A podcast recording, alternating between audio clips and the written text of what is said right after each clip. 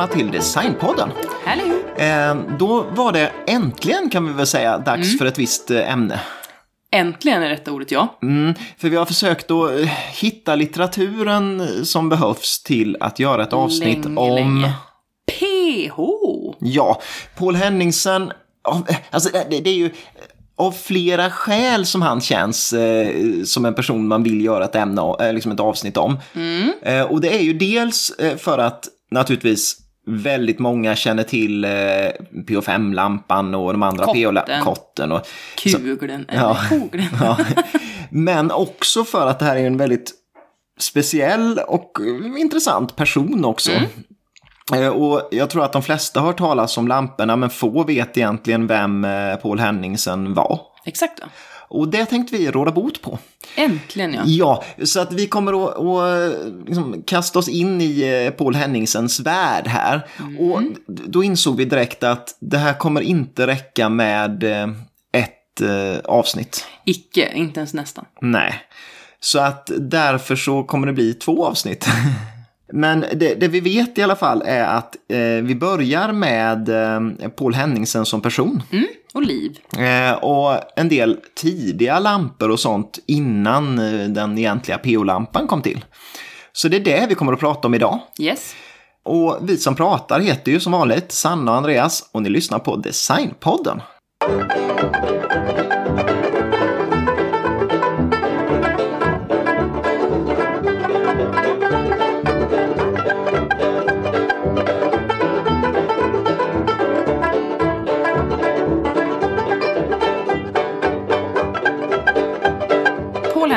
föddes den 9 september 1894 i Ordrup.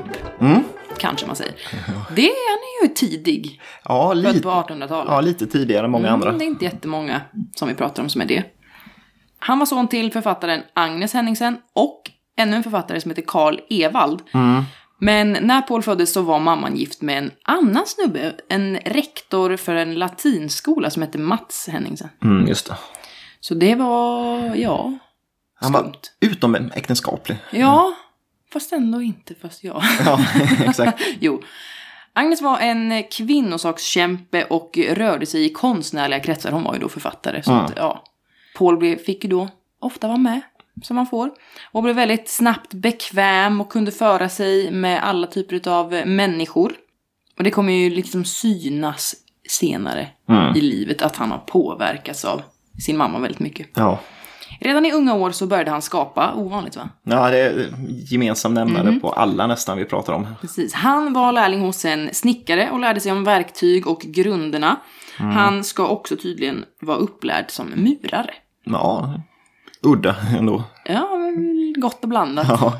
När han var 18 år så konstruerade han en självtrampande cykel. Och det är ju väldigt udda dock. Om, Ja, otroligt skumt. För det är, ju, länge sedan om man säger. Det är ju innan elcyklarna kom Mm. till. Ja, verkligen. Vill ni läsa mer om det så, så kan man det. Men jag tänker inte gå in djupare på den cykeln. Nej, det är nog inte... Nej, det kändes inte riktigt så. Efter gymnasieexamen så började han eh, 1911 på Tekniska skolan i Köpenhamn. Men då ville han tydligen bli maskiningenjör. 1914 började han istället på Polyteknisk läranstalt där han eh, studerade i tre terminer.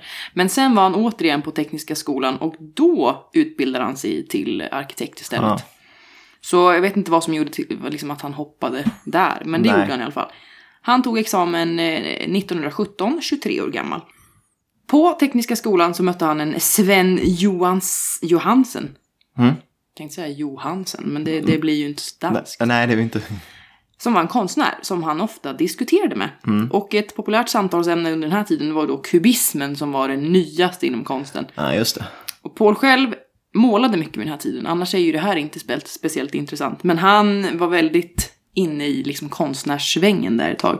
Och målade impressionistiska tavlor i gråskala som är aningen deppiga. Känns lite som socialrealism. Ja, de Finns är- det inte någon bild på någon tavla i, i, som, som är hus. Ja, det är en husfasad som Ja. ser jättedyster Ja, ut. det, ja, men det blir det i gråskala också. Ja. Det är ju bra, men det är ju dystert. Ja. Mamma Agnes dock, eh, hennes kontaktnät Mm. kom nu att bli viktigt. Han får bli konstkritiker för tidningen Vår Tid. Och han var en av få som försvarade expressionismen och kubismen. Jo, Många han- gillade ju inte det. När de tyckte det här är inte Nej, det är hemsk konst. Så. ja, lite så. Det här bidrog till, i alla fall till att han istället fick jobba på Axel Saltos tidskrift Klingen, som var lite mera radikal, står det. Men jag vet inte, det är ju ganska grovt ord. Men det står det i boken. Ja. Ja, Och i den här tidningen så kommer man att eh, anklaga akademin för att vara föråldrad. Och det är väl inte jättechockerande eller speciellt radikalt. nej. eh, Eller ja, då kanske. Ja, möjligtvis att det var mer känsligt att, Ja. att alltså idag, För det tycker väl alla. ja, att Att alla akademier är väl Ja, föråldrade det är ju ännu mer eh, humoristiskt idag med tanke på att Svenska Jo. Akademin eh, har ju Ja, inte hur- fått, har fått sig en liten känga här de senaste exakt, månaderna. Så att visst, men under hans tid var det säkert en, en radikal åsikt. Ja, Och sen, det här måste jag ändå säga för det är viktigt, men jag förstår inte helt, ska jag erkänna på en gång. Men han arbetade med att ge tidningen en modern vetenskaplig grund i nykantianismen. mm, Och det är ju väldigt, väldigt förenklat sagt en variant av eh, Kants filosofi. just det. Som jag inte ens nästan tänker gå in på. För det är för tråkigt tänkte jag säga, men det är... Ja, och det är ju lite, man, man är ute på hal is när man börjar Ja, diskutera filosofer nu. Ja, för Eh, att det är ingenting jag kan någonting om och, och heller inte bryr mig om. Så. Nej, Men vi går vidare Ja. så länge. Kanske att vi återkommer. Hans första uppdrag som arkitekt får han också genom sin mamma. Mm. Han fick göra ett båthus för eh, de danska studenternas roklubb. Mm. Jag funderar på om jag skulle säga det på danska, men jag ska, jag ska inte försöka det nej. Det stod i alla fall färdigt 1920. Det var en träbyggnad med, som var väldigt symmetrisk. Tidningen Politiken skrev att det, den är en pärla i dansk byggnadskonst och skulle kunna vara tagen direkt från Fifth Avenue. Oh, Så det var väl väldigt bra recension jo. på sin första byggnad. det får man ju lov att säga. Paul och Kai Fiske kom att eh, jobba tillsammans i några år och eh, gjorde några byggnader på adresser i Köpenhamn. Eh, Bland annat Hornbäckhus på Borups allé. Där ja. Jag vet inte vad det är. Nej. Den är i alla fall... Ah, ni får kolla. Ja. Men den tillskrivs i alla fall idag bara till Kai Fisker. Mm. Och den här boken vi har läst, bland annat, för vi har ju läst ganska mycket olika till det här avsnittet. Ja. Men en bok som heter P. Paul Henningsen då, av Erik Steffensen. Mm. Och han betonar att eh, det här kan ha att göra med att eh, Paul under den här tiden då hade gympadojor, stickade tröjor och keps medan Kai hade polerade skor, hatt och kavaj. Och att han inte var lika representabel. Nej, just det. Paul Henningsen känns mer bohemisk där och Precis, va? eh, Kai var den här Ja, prydligt sen klädda. varför det skulle beskriva varför inte man kan tillskriva den till båda två vet tusan. Men Nej. Kanske makes sense. Nu blir han också en framstående belysningsarkitekt och jobbar bland annat med Karl Klint. Mm, mm, exakt. Då kan ju du få komma in på lamporna. Ja, exakt. För att jag tänkte prata lite om eh, eh, liksom tidig belysning och Mm. lamporna innan den här klassiska PO-lampan. Precis.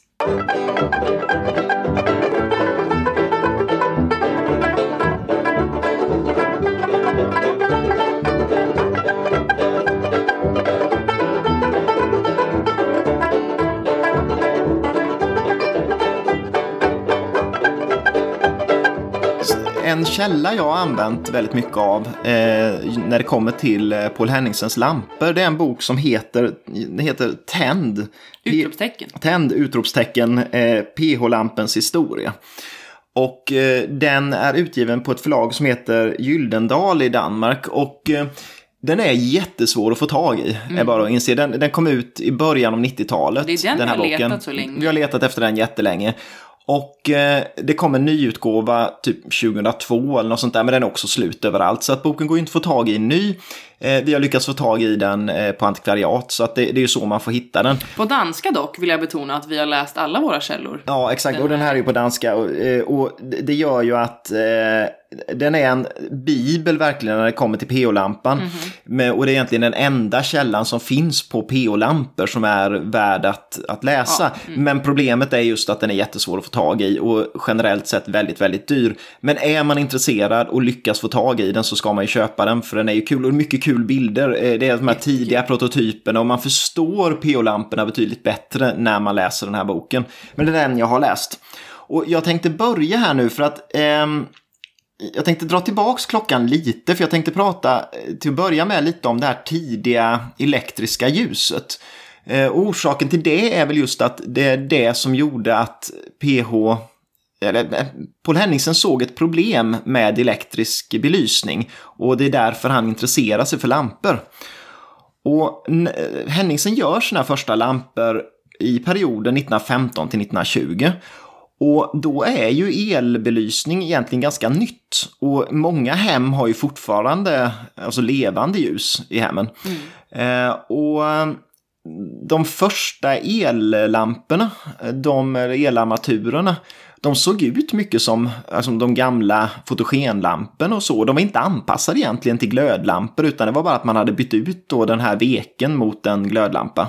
Och det kan man ju se i bland annat en ljuskrona. Man ser, då satte man en glödlampa mitt i ljuskronan men egentligen var det en gammal ampir eller sån här gustaviansk mm. stilkrona. Liksom. Um, och om man ser då till vad hade man för ljuskällor på den tiden? Ja, man hade ju glödlampor då, men vad, vad är en glödlampa?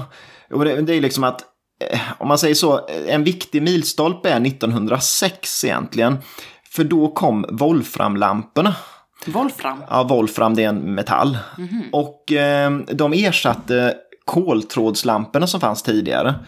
Och de här gamla koltrådslamporna, de hade en glödtråd, den här som sitter i glödlampan liksom som gör att det lyser, ja. den var i kol. Och problemet med dem var att man var tvungen att ha en väldigt låg temperatur för att inte den där glödtråden skulle brinna upp och bara förstöras direkt. Och då blev ljuset ganska, eh, liksom, det blev gulrött, ganska varmt mm. men inte så starkt. Som typ ett ljus. Ja, och det, de påminner mycket om egentligen LED-lampor, många LED-lampor idag eh, med det här lite gulröda ljuset. Men sen kom då eh, 1906 den här Wolframlampan. Eh, och den möjliggjorde att man eh, hade ytterligare liksom, lite högre temperaturer. Mm. Och i glödlampan, eh, för det är ju liksom en, en, en ja, en, vad ska man säga, en glaskropp då i, som är genomskinlig. Mm. Och inuti den så var det vakuum. Och sen så var det en glödtråd i eh, Wolfram. Och det var vakuum där inne just bara för att inte glödtråden skulle brinna upp. Eh, men man kunde fortfarande inte ha så där vansinnigt hög, eh, om man säger temperatur. För att även att det var vakuum så hade man dragit på med väldigt hög temperatur på glödtråden, då hade den brunnit upp. Och de här eh, tidigaste lamporna kallades av någon anledning envattslampa. Jag vet inte varför de gjorde det. Men, eh, men 1913, då kommer den milstolpe som Paul Henningsen sen får stångas med, om man säger, hela sin karriär. Och det är att en annan variant av Wolframlampa kommer. Och den kallades då halvvattslampa istället. Mm. Och skillnaden mellan de tidiga lamporna och den här, det var att istället för vakuum, det vill säga ingenting alls det är ju i den där, mm. så hade man gas inuti eh, glödlampan. Mm. Och den här gasen var, eh, gjorde att, att det inte det började brinna. Och då kunde man helt plötsligt blåsa på med mycket högre temperatur. Och högre temperatur innebar starkare ljus. Men det innebar också att ljuset blev sterilare, kallare, blåaktigt. Och eh, det var något som Henningsen såg. Han, han såg liksom att eh, glödlampsljuset eh, med de moderna glödlamporna, som var moderna då på hans tid, jo, jo. Eh, de gav ett ljus som skilde sig väldigt mycket mot det här ljuset som folk var vana vid att se från en lite mysig fotogenlampa som stod där på, eh, liksom på bordet. Sen var det ett annat problem med glödlampan. Och det var att den skickar ju förstås då ljuset i alla riktningar. Eh, lika mycket uppåt som neråt. Mm. Och det gör ju att om man till exempel bara har naken glödlampa i taket, som man ofta hade faktiskt på den tiden, då eh, var det inte så effektivt egentligen. För elen var dyr faktiskt på, eh, under tidigt 1900-tal och eh, om man då ville belysa en bordsskiva, då belös man ju egentligen taket lika mycket som bordet. Ja, det och det är ju slöseri. slöseri, absolut. Ehm, och sen fanns det ytterligare ett problem som Henningsen såg. Och det var bländningen. Eh, för att de tidigaste glödlamporna, eh, då, då fanns det inte frostade eller liksom så vita glödlampor, utan då var de som man såg glödtråden. Och eftersom det bara är en liten punkt egentligen, den där själva glödtråden som allt ljus kommer ifrån, då bländar det ju jättemycket. Så det är inte bra för ögonen att titta på heller. Så att det var också ett stort problem. Och eh, då försökte man att, eh, vad ska man säga, lösa det här på väldigt många olika sätt. Eh, bland annat så hade man eh, naturligtvis ja, lampskärmar i, i tyg. Man använde sidenfransar runt omkring och sen också något man såg mycket under funkistiden med eh, liksom skärmar i eh, vitt glas, runda klot. Och då förstorade man den här eh, ytan som lös. För att i en vanlig glödlampa då är det bara glödtråden som lyser. Nu är det ju då på en, en klotlampa, då är det ju hela ytan Mm, på klotet ja, som lyser. De bländade mindre. Men det är fortfarande så att den lyser lika mycket uppåt som neråt. Så att Mm. det är ju inte så effektivt på det sättet. Men bländningen blev mindre. Eh, sen var det något som Henningsen såg också, som han insåg tidigt i alla fall. Det var att eh, bakgrunden, hur ljus den var, påverkar bländningen ganska mycket också. För att säga att du har en, alltså i ett helt mörkt rum, då bländar en tändsticka. Upptäckte han när han testade. Liksom. Men går man ut på dagen och solen är uppe, då ser man inte ens att tändstickan brinner. Va? Så därför insåg han att bakgrunden behöver också belysas, i, även om man vill belysa ett bord. För att om man inte gör det, då kommer ljuskällan blända oavsett egentligen hur mycket man jobbar med att eh, blända av. Och med det här sagt, då kommer vi in på Paul Henningsens eh, allra första lampor. Och de första lamporna gjorde Henningsen 1915 till 1916 ungefär. Jag tror inte man vet exakt när det var där. fortfarande när han pluggade. Ja, och han gör dem till en... 21, 22 år Ja, han gör dem till en vän till familjen så att det är ju inte något professionellt uppdrag på det sättet. Men det var till en familj Falk Jensen som var då kompisar med Henningsens. Och Henningsen har i, liksom efteråt, långt senare, beskrivit de här lamporna som citat en massa märkliga och förvridna saker. Han är väl inte så stolt över just, just dem då. Eh, bland annat gjorde han en ampirliknande ljuskrona med prismer. Eh, och den hade då, stommen var i ståltråd som man hade bockat till själv med kniptång. Och sen så mitt i den här så hade han en röd eh, sockerskål i kristall som då skulle ge lite rödaktigt Fast ljus. vad Ja, ja, det var det, var nog. Det var. Men Henningsen hade tydligen då en massa år senare blivit frågad av Falk Jensen då att kan, någon där i familjen att kan du bara fixa till den här för den börjar bli lite risig då. Och då hade han kollat på den och så hade han utbrustit då att är det en sinnessjuk cykelsmed som har gjort den Ja. här? Så att ja, Det det det, det var ju det faktiskt. Ja, precis det var. Det är lite roligt. rolig. Eh, och man, många har ju då tyckt att de här första lamporna som eh, Paul gjorde, att de eh, egentligen var helt ogenomtänkta och man bara liksom... Ja, men han var hade- ju jätteung. han var ung. Men det var också faktiskt så att det finns ett embryo till det här att tänka på olika ljusegenskaper och så. För bland annat den här röda sockerskålen, det var ju ett försök av eh, Henningsen att få bort det här sterila ljuset och få lite mysfaktor i kronan. Så att han har ju redan där börjat tänka faktiskt lite på vad kan man göra för att få trevligare elektriskt ljus. Sen då, några år senare, 1919 till 1920, då får Henningsen ett antal beställningsjobb på lampor. Och då tar han fram egentligen två olika serier eh, med skärmar som han då återanvänder till de olika projekten. Och eh, den första av de här serierna, den bygger på trumpetformen. Och det är ju liksom en, en spetsig konform egentligen som, ja lite som trumpetfoten på en särenen stol liksom. Det, det, det är det som Eller är... en trumpet. Eller en trumpet, fr- fronten på en Ja. trumpet. Ja, exakt. kan man ju säga också. Eh, och den första trumpetlampan, den togs fram till eh, familjen eh, Gassman på Brediger i. Köpenhamn. ja. Breda gatan. Ja, det, Blir det? ja, det är det nog. Ja, jag vet Det inte. så. Ja, det är det, Ja. det, det, är nog det. Eh, och det är en ljuskrona. Så det är inte så väldigt modernt liksom på det sättet. Men den har, eh, om man säger längst ner i ljuskronan så är det en glasskål som har den här trumpetformen som är spetsig neråt. Eh, men sen så runt kanten på den så hänger det stavformade prismor. Och sen så runt pelaren som går upp till taket så är det också liksom rader med prismer flera nivåer. Så att den känns ganska klassisk. Jag, jag, tycker också att den har lite ampirformer faktiskt ja. i, i eh, sin utformning. Absolut. Det Henningsen tänker på här det är just med bländningen, hur man kan undvika att, att glödlampan bländar. Och då sätter han bland annat en liten glasskärm eh, runt glödlampan. Och det är ju liksom ett tidigt försök att minska att, att, ja. att man får en bländande lampa. Och samma grundform, den här trumpetformade skärmen, använde Henningsen sen under många gånger under 1919-1920, eh, eh, både till tak, bords och vägglampor. Och en lite mer modern variant, eh, den använder han till bland annat den blivande statsministern eh, Thomas Madsen Myggdal. Vem, ja, han, han vi alla vet vem ja, det är. Ja, självklart. Danskarna vet förstås och vi skrattar åt oss att vi inte vet vem det här är. Men ja, ja. hur som helst, han var tydligen anklagad för att vara nazist sen, men eh, hur som helst.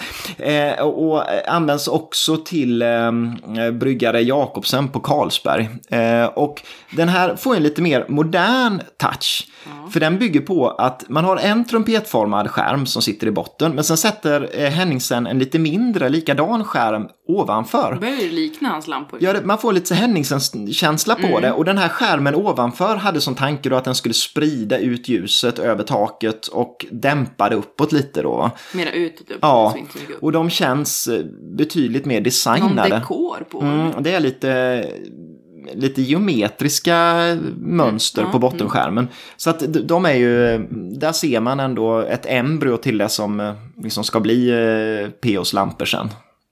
Sen andra varianten då eh, i serielampor som, som Henningsen tog fram, eh, det var det byggde på glaslameller. Och där är det faktiskt lite mer lurigt för att jag, jag tycker det är svårt att förstå hur den lampan såg ut.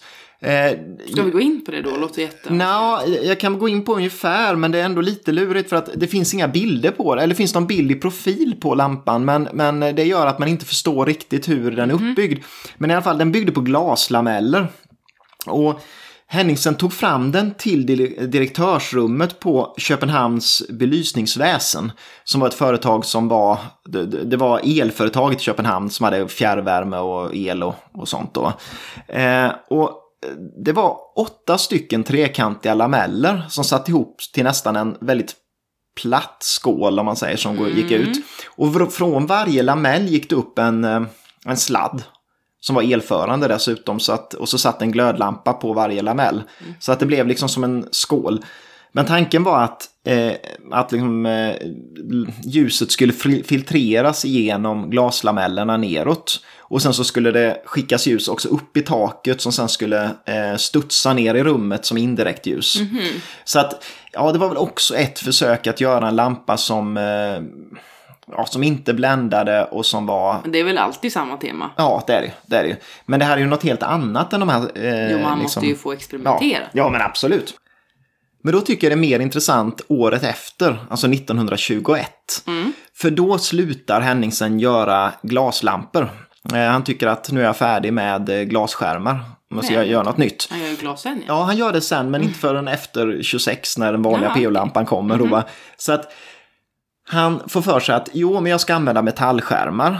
Och jag ska dessutom inte tänka på formgivningen på det sättet utan formen ska bara vara ett resultat av lysegenskaperna. Så att han tar fram två stycken ljuskulor. Och det är Henningsens första ljus, alltså kulformade, klotformade Kugler. lampor. Kugler. Ja, det är ju ljuskugeln heter det då på... nej! Jo, oh, kugel. Är du säker? Ja, kugla är ju oh, kotte. Och första ljuskulan tar Henningsen fram våren 1921 till det är en svägerska som hette Inger Kragelund, hennes matsal. Och den består av mässingsrör. Och då gör Henningsen helt enkelt eh, som ringar i mässingsrör i olika storlekar och sen sätter samman dem så, så blir det en kula, liksom att de är i storleksordning så, så blir runda. Och eh, sen gör han också att han skär bort ytterkanten på röret så att profilen blir ett C. Eh, och tanken där, då är de ju i blank mässing och då ska mässingen reflektera ljuset och mässingen är gul dessutom så ska det bli lite varmare, lite liksom, trevligare ljus än det här sterila ljuset från glödlampan som är i mitten i kulan. Problemet med den här var ju då att eh, trots att eh, då liksom de här mm, liksom, cirklarna eh, reflekterade ljus så blev det ändå en skugga. Så att rummet blev randigt på väggarna. Ja. Och det var inte det Henningsen var ute efter egentligen, för han ville ju inte få en eh, skuggeffekt utan han ville ju belysa ett helt rum. Så att det är ett tidigt exempel, liksom experiment med att ha en kulformad lampa, men ja, det fanns problem. Så att då eh, till hösten 1921 så eh, tar Henningsen fram sin andra ljuskula. Och den togs fram till konstnärernas efterårsutställning i Köpenhamn. Och efterårsutställning det är ju höst. Höst. Efter, ja, så, Eller? Ja. Eller vinter? Nej, Nej höst, vinter, ja. vinter. Ja, I'm so confused. höst va? Konstnärernas höstutställning. Ja, för att vinter är ja, på vinter. ja. Så det är höstutställningen för konstens höstutställning i Köpenhamn. Säger vi. Jag Ja. Och eh, den, eh, då ska eh, Henningsen ha ett, göra ett rum där ihop med Axel Salto. eh, Som han ju jobbar ihop med med den här tidningen också. Ja. Och då, ska, då vill ju Henningsen använda en ljuskula. Men han inser ju att nej, jag vill, jag vill att väggarna ska bli jämnt belysta istället. Så att istället för de här mässingsrören, då använde Henningsen platta runda skivor. Eh, och de var i nysilver istället. Ehm, och i teorin var ju det här bra för väggarnas skull, liksom, för att då hängde de här, liksom, de här lamellerna, blir det ju nästan då, eller platta ringarna, över varandra. Och då skulle ljuset släppas rakt ut mot väggarna. Och det funkade. Problemet var ju bara uppåt och neråt då istället, för då blir det ju som en persienn nästan, så att det blev ju inget ljus i taket och inget ljus ner mot golvet. Så att, ja, han löste problemet med väggarna, men det blev ett nytt problem istället. Så att inga av de här ljuskulorna var ju säkert lyckade kanske på det sättet, men det var ju ändå... Allt är ju en process. Ja, det är ju en process och hans första experiment med runda lampor som han sen kommer att jobba jättemycket med eh, under senare livet. Eh, sen har vi då 1923 på hösten. Då får Karl Klint i uppdrag att eh, ansvara för ombyggnationen av Thorvaldsens museum i Köpenhamn. Eh, och dit så vill han att Henningsen ska göra lampor till bottenplanen. Och Henningsen börjar direkt att jobba där, så mellan 1923 till 1924 så tar han fram tre olika lampor. Och till saken hör att eh, Karl Klint blir av med det här uppdraget för att det tar för lång tid så att eh, de, de lackar ut på honom där. Men och tycker att, lampor då? Ja, så de blir aldrig av till det här. Nej. Men Henningsen fortsätter att jobba med det här ändå så att han tar fram tre olika lampor. Och den första lampan vet man ingenting om direkt så att eh, den är inte värd att nämna. Han bara, det var ett tidigt experiment. Men lampa nummer två fick sen beteckningen typ 2B. Eh, och den tog han fram våren 1924 ihop med en arkitekt som eh, en kollega då, Knut Sörensen. Och den här lampan, den är ju verkligen då embryot till den moderna PO-lampan. Den består av fyra skärmar som liksom i ring, ringformade skärmar som är placerade omlott ovanför för varandra. Och den påminner ju mycket om en, liksom en PO-lampa som man mycket. tänker idag, fast med fyra skärmar istället för tre som man ofta har i, idag då. Och eh, eh, tanken var att den skulle sprida ljuset i hela rummet. Eh, den var ju då eh, blank, den var väl i nysilver och var tänkt att tillverkas i. Eh, grejen är att den blev inte riktigt bländfri eh, som, eh, som PO hade tänkt att den skulle bli på grund av att skärmarna var ju blanka och de reflekterade glödlampan lite väl starkt så att eh, när man tittade på den så såg man glödlampan och så fick man en bländning i den ändå. Så då eh, går Henningsen vidare och tar fram en lampa till som eh, fick beteckningen typ 2A. Och den lampan... Efter 2B. Ja, det, det beror på att eh, typbeteckningarna kom till senare Jaha. sen när de Ja, ja. ställde ut dem. Men den här andra lampan den har betydligt fler eh, lameller eller skärmar. eh, Så att den har åtta stycken istället och får en kulform. Påminner mycket om, om de här eh, Kuglen-lamporna som kommer senare. Eh, Fördelen med de här fler skärmarna det var att eh, ljuset spreds ut betydligt mer över skärmarna då och spegelbilden av glödlampan blev mindre och då blev den inte alls lika bländande heller. Eh, och sen tyckte faktiskt, det är ju väldigt tidigt för att ha en sån uppfinning, men eh, Henningsen eh, hade planerat att ha en dimmer inbyggd i lampan. Nej. Så det skulle sitta en liten ratt Alla längst ner. redan? Ja, en liten ratt längst ner Va? på den så man kunde ställa in ljusstyrkan. Så det är innovativt. Och 1924 tar Henningsen och då Knut Sörensen ihop fram också tre stycken bordslampor. Och de fick beteckningen modell 1, 2 och 3 helt enkelt. Och det är ju lite logiskt för de tre första bordslamporna. Och till varje bordslampa togs det också fram en pendellampa som skulle hänga lågt i samma höjd ungefär som eh, skärmen på bordslampan hamnar. Ja, ja. Och de här tre lamporna, de gjordes också i nysilver, så de skulle vara blanka. Och tanken är att det skulle bli spegelreflektion i dem.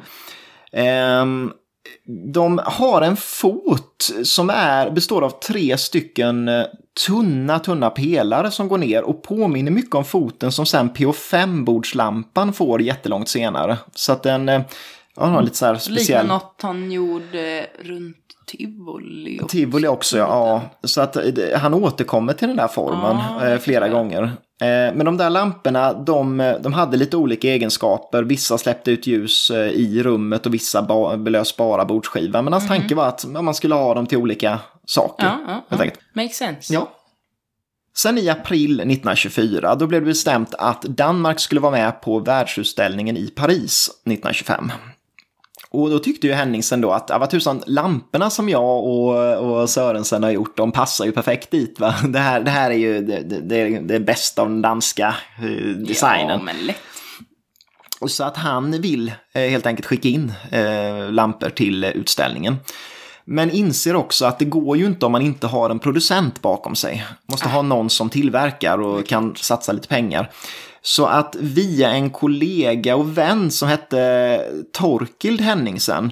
Och den här Torkild Henningsen är ju inte släkt med Nej, Paul Henningsen. Han utan återkommer i min Ja, text så vi behöver inte också. nämna honom. Men han kände i alla fall en snubbe som eh, hette då Sofus Kastrup Olsen. Sofus. Ja. Och det, han, den här eh, Kastrup Olsen, han eh, ägde ett företag då som hette Louise Paulsen. Louis. Nej, ja.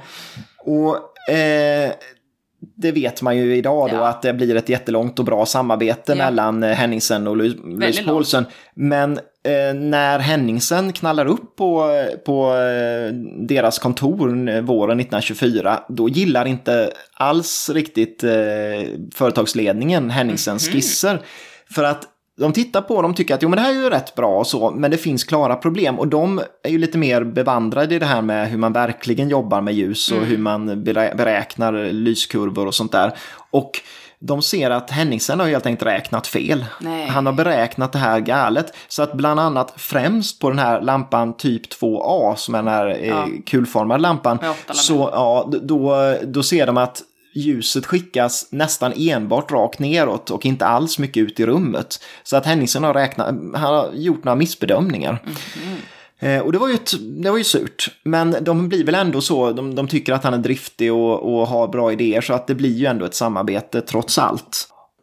Ja, så sommaren 1924 så börjar Henningsen och Sörensen att arbeta med lampor till Parisutställningen. Och de förslag de skickar in är de här eh, typ 2A, 2B och sen så de här tre bordslamporna. Men de måste ju göra en hel del grejer. De behöver ju rä- liksom jobba om eh, taklamporna eh, för att få en bra ljusspridning på dem.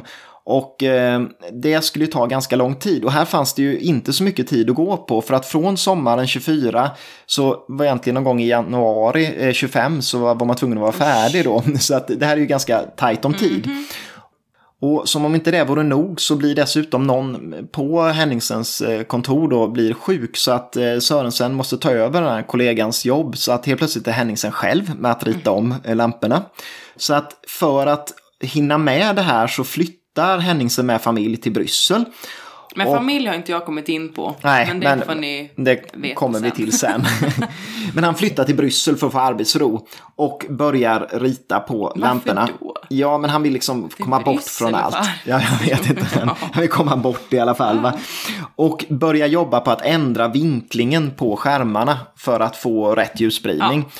Ehm, och efter ett tag sen till nyåret 1925 ungefär så flyttar också Sörensen till Bryssel och de börjar jobba tillsammans igen. Fick han inte så mycket ro? Nej, det- var några månader där man fick jobba själv. Men grejen är att de inser ganska snart att det de behöver göra är att ta fram en lampa som förenar fördelarna med de här två olika taklamporna. Så de vill ta fram en fulländad lampa. Och resultatet blir den lampan som sen har kommit att kallas Pariserlampan. Och den eh, tillverkades i nysilver och hade, ja, den är, eh, hade sex skärmar. Så att det är precis ett mellanting mellan åtta och fyra skärmar som de två andra lamporna hade. Och den påminner ju ännu mer om en PO-lampa mm. som man är eh, van att se dem. Den påminner om en sån här treskärmar PO-lampa fast man har klämt in ytterligare två skärmar helt enkelt. Det gör det verkligen. Um, eller ja, tre skärmar har man klämt in. De tillverkades i storlekarna 40, 60 och 70 centimeter. Så, att den största, ja, så 70 centimeters diameter är ju en riktigt fet mm, lampa. Det det. Men det är ju embryot till PO-lampan och en väldigt liksom, ovanlig lampa i och med att den ställdes ut i Paris eh, 25. Eh, jag hittade ett klubbslag faktiskt Asså. på en, eh, en eh, Pariserlampa cool. som hade sålts på auktionshuset Philips 2016 för 835 000. Så att mm. de är givetvis jätteeftertraktade. Och givetvis för att det är Liksom, den är ju så viktig eftersom det ja, är förgångaren till mm. alla de här lamporna som oh, Henningsen gör sen. Det är inte orimligt. Nej. Tänkte också nämna att till Parisutställningen så gör Henningsen en lampa till. Och det är den eh, som kommer att kallas Pariserkuglen. Så det är mycket kuglor hela tiden. Och kogler. Och kogler. Eh, och den gjorde han till eh, den danska nationalpaviljongen som eh, Kai Fisker ritade. Och Fisker ville ha en eh, stor monumental lampa till ett rum som var kubformat där. Och då ritar Henningsen en eh, kulformad lampa med 12 skärmar och en diameter på en meter. Uff. Och den här påminner jättemycket om lampan Kugeln som Henningsen som ritar då 30 år senare. Um, så att det är ju en stor kulformad lampa. Men den här var ju nysilver. Kugeln sen görs ju i vitlackerad så, så att um, så, men den här var i nysilver och var tänkt att liksom vara spegelreflekterande. Mm.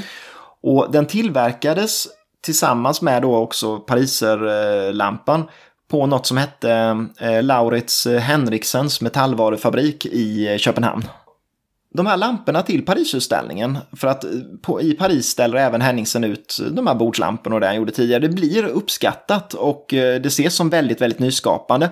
Men man upptäcker också ett jättetydligt problem. Mm -hmm. För att trots att man hade använt matta glödlampor i, i lamporna så blir de inte bländfria. De bländar när man oh, tänder no. dem. Och det var ju inte vad Henningsen hade hoppats på. Men måste man stirra in i lamporna? Nej, det, men det var väl att det var ett av hans viktigaste ah. mål. Och orsaken var att Henningsen hade inte tagit med i beräkningen att, att, att liksom ljuset sprids ju inte jämnt på en rund skärm. Utan man ser ju lampan mycket tydligare på ett ställe där den reflekteras. Mm. Så då mm. blir ljuset mycket starkare just därifrån. Så att de blev, ja, de, de, de, de blev uppskattade men Henningsen var väl lite besviken på grund av det. Och Trots det så får han flera guldmedaljer för lamporna och, och Louise Paulsen får en silvermedalj för prestationen av lamporna. Men Henningsen är sur. Han är sur och bitter och eh, han kallar Parisutställningen för citat, en marknadsplats för gammalmodiga saker. Han Nej, tycker men... att det här är bara skit. Alltså, jag Hans kom... eget också? Nej, han tycker att han Jaha, kommer ändå ja, med ja. nyskapande ja. prylar. Men folk håller bara på med de här gamla stilprylarna äh. ändå. Så att, ja, lite kaxigt, men det återkommer väl det ganska mycket i hans liv. Undrar hur många gånger du kommer säga bländande. Ja, ja, näst, Bländfri. Ja, nästa veckas avsnitt är ju... Cirka tusen. Det är mm. inte ett jättekul ord.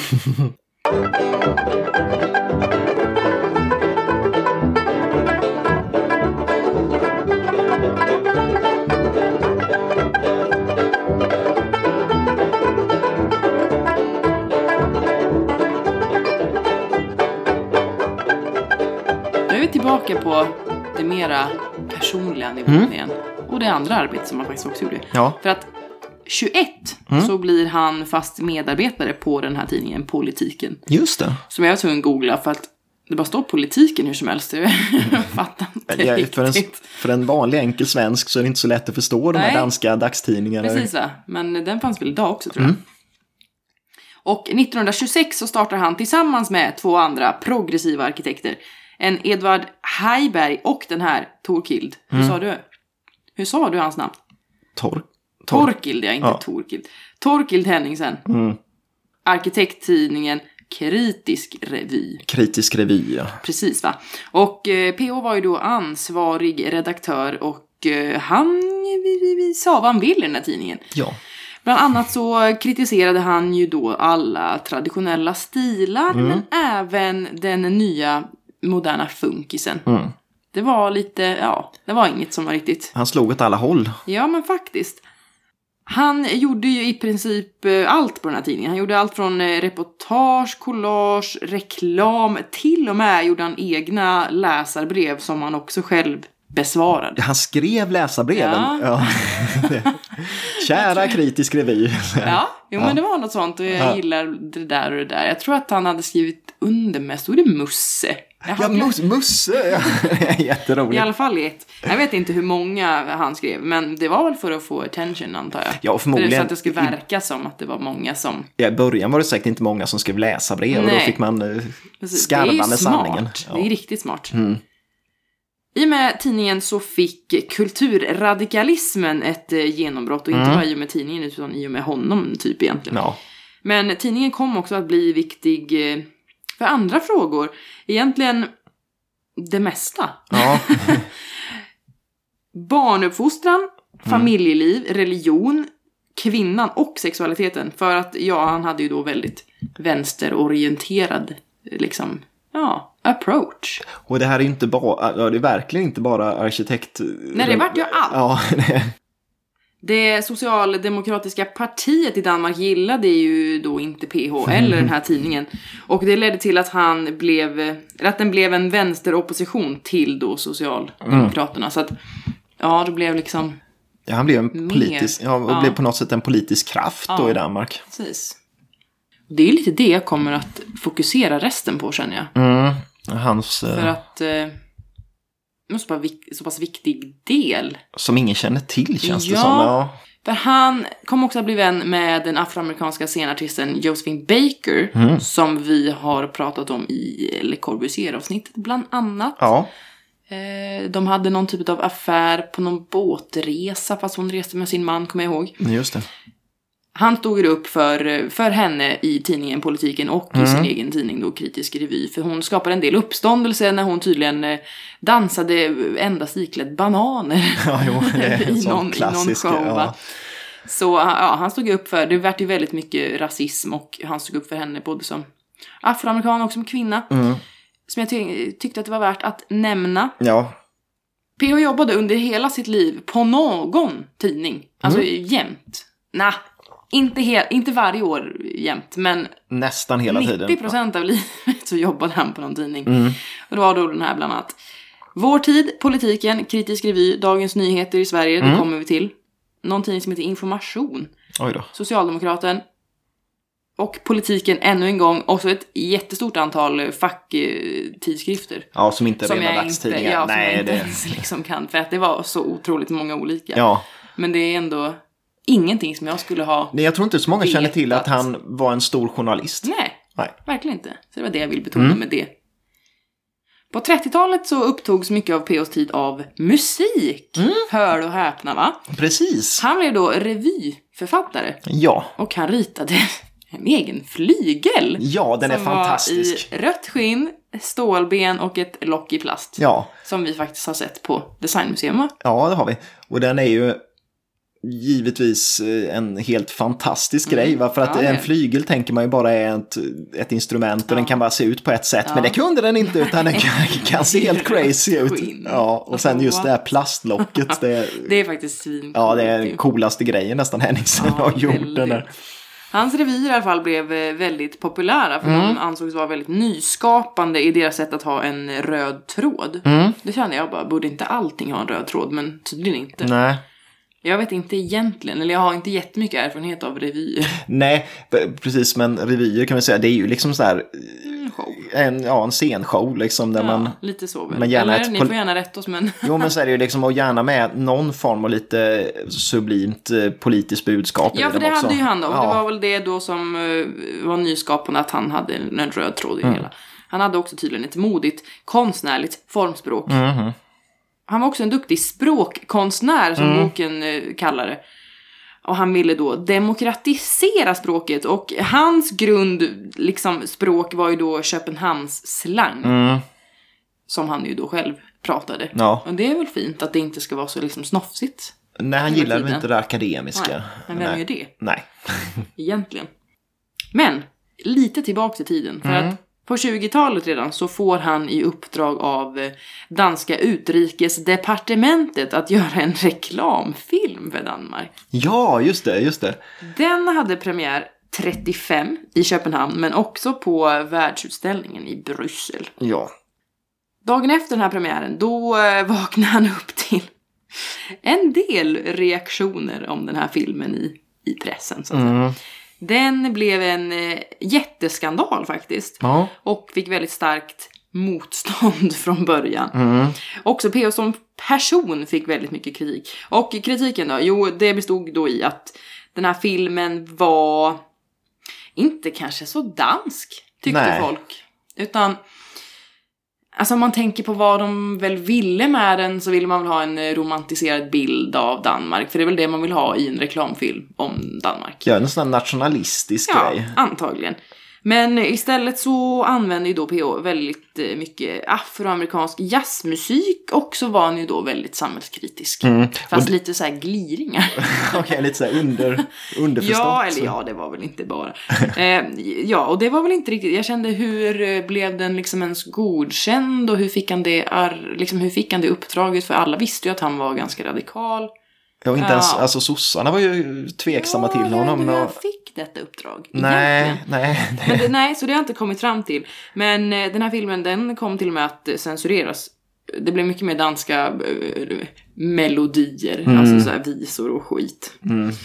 Och så var det någon scen med några fulla officerer. Säger man officerer till mer än en officer? Ja, jag tror Eller det. officerare? Jag vet Officerer inte tyvärr det. Men de eh, tydligen ramlar ur en bil och är ty- tydligt fulla. Mm. Innan de ska gå in till kungen. Mm. Och så klipps det till ett sånt här rullband med massa ölflaskor och så är det någon, någon speakerröst som säger det finns gott öl. I Danmark. Antagligen. Ehm, ja, Ja, det, det, det klipptes bort och så ersattes det med, med ba- lekande barn istället. ja, det var väl mer passande då på Tycker 30 jag. Fast det är väl sant det där om ölet? Ja, det, det är, ju så. Egentligen. Mm. Well, well. Precis. Men ja, filmen eh, gav ju då PH många fiender. I synnerhet då från borgarklassen. Ja, men precis. Och det man kan säga, är man lite intresserad av den, då kan man gå in på YouTube och söka på eh, Henningsen Danmarksfilmen. Eh, för då finns det en del klipp härifrån. Mm. Och man förstår ju att det här är ju inte en film som är jättes, alltså speciell på något sätt och man lyfter inte på Nej, ögonbrynen idag. Men då, då, man måste förstå, då måste det här varit eh, totalt eh, tabu liksom. Men Precis. kolla där för att det är, det är lite kul att se eh, Faktiskt. klipp från den. Ja, väl underhållande. Mm.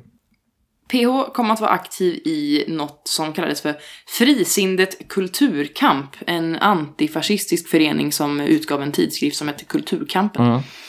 Eh, Han kom att ses som eh, kommunist och han hade väldigt mycket antinazistiska åsikter. Och eh, det här ledde då till att han var tvungen att fly till Sverige då, när några personer kom och Tog makten i Ja. Danmark under Precis kriget. va.